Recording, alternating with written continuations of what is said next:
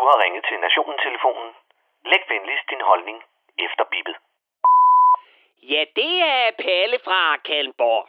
Jeg kan forstå, at den rødhårede og woke reptilian kongens Harry har skrevet sig til endnu en omgang i mediebøllen for at gøre opmærksom på sig selv og sit livs udkårne, den følsomme afroamerikanske Megan Thrawn. Dengang var det så ikke nok med en 6 timer lang Netflix-serie. Nej, der skulle en hel bog til med titlen Reserven. En tårved titel, der skal gøre læseren opmærksom på, at den stakkels lille nummer 3 bare altid har stået på sidelinjen i skolegården, imens alle de store drillede. Men lad os da for helvede dykke ned i den slibrige bog, der er længere end en pixie-bog, klynkende som et tweet for Mads Brygger, og mere konfliktoptrappende end Christian Friis Bak i Martin Lidegaards røvhul. Oh, but my dear Palle, old chap, this is merely a small hiccup in the British monarchy. There is absolutely nothing to see here. You may go merrily about your day. Ta! Ja, vi får se din indavlede øbo. For den lille skiderik lægger hårdt ud med at fortælle, hvordan han fik taget sin møde om på en mark bag en pop af en gammel dame, der var så glad for hest, at hun klappede ham i røven, som den lille poolpony han var. At få taget sin møde om på den måde, det er hverken chokerende eller forarvende. Her i landet, der hedder det ganske simpelt bare Hjallerup Marked. Men eksperter mener, at det er en historie, der skal med, for at gøre den lille jordbærhjelm til en mand af folket. Jeg tvivler, Harry. Jeg tvivler.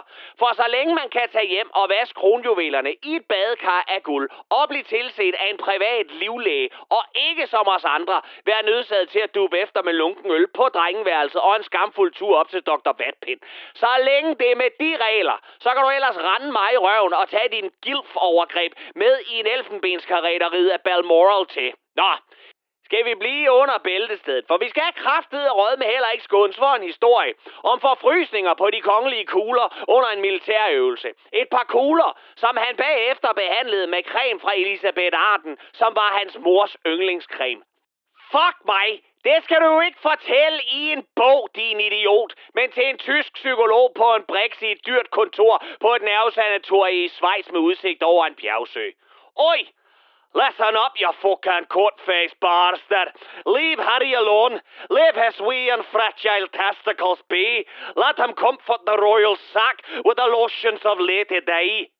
Flet lige sækpipen, din fyldte formave. For det stopper jo ikke her. Nej, den politisk korrekte lille brandbil skal der også lige give storebror William og kone Kate skylden for hans valg af fastelavnskostym, som for år tilbage var et nazikostym, og der er et grimt et af slagsen. De synes, det var sjovest, og det var det da også, for helvede. Hvad vil du helst være? Gurlig gris eller en nazist? Nej vel? Og når det kommer til storebror William, så skulle han efter sine også have knaldet Harry i gulvet, så en hundeskål gik i stykker, fordi han var så edderspændt rasende over Meghan og hendes evne til at køre en Yoko Ono på hele den britiske kongefamilie. Prøv nu lige at høre her, at det kun blev til et skub ned i en hundeskål. Når det gælder den hæslige lille splint i røven på alt og alle, det kalder jeg kraftet og råd med mådehold og en, kongelig, og en kongen værdig. For Palle, han havde personligt reddet hovedet af Harry og kammertjenerinden og skidt ned i hullerne. Hey! You just stop that smearing campaign of our Megan. She's a proud African American woman. She had no idea that you sick people would be so toxic and racist against her. All she wanted was the love of Harry. Hold nu bare kæft. Der er ingen racister her. Kun folk, som vil gerne vil vide, om der vil blive født en chokoladelækker nubisk prins med en ildrød fro på toppen, for det vil fandme have set fedt ud, når han vinkede fra balkongen på Buckingham. Harry og Meghan har valgt et borgerligt liv, men dog vil de gerne have 24 timers beskyttelse og en bid af den kongelige formue, som hovedsageligt er bygget på slaveblod og undertrykkelse igennem 400 år. Men hey, vi kan jo ikke være woke og korrekte hele dagen. Men måske kommer beskyttelsen nu, hvor Harry har fortalt, at han har skudt 25 Taliban-krigere, og Taliban har beskyldt ham for at være for krigsforbrydelser.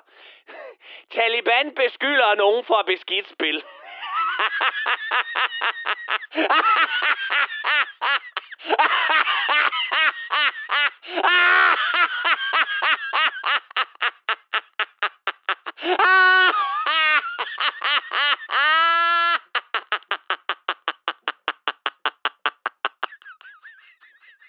Nå, her til sidst, så vil jeg bare med al kærlighed bede Harry og Meghan om at pisse Hollywood til og begynde at tjene deres penge på ærlig vis, og så ellers lukke deres ulidelige små røver aldrig mere dukke op for mit åsyn, for jeg har ærligt talt ikke plads til dem. Nå ja, og så lige en sidste ting. Jeg så det der uh, interview med Lise Nørgaard, det sidste ord. At hun ikke nåede at dø, før Michael Bertelsen fik færdiggjort sine selviscenesættende sætninger, var mere end imponerende. Det er sådan, man bliver 105 år gamle, mine damer og herrer. God save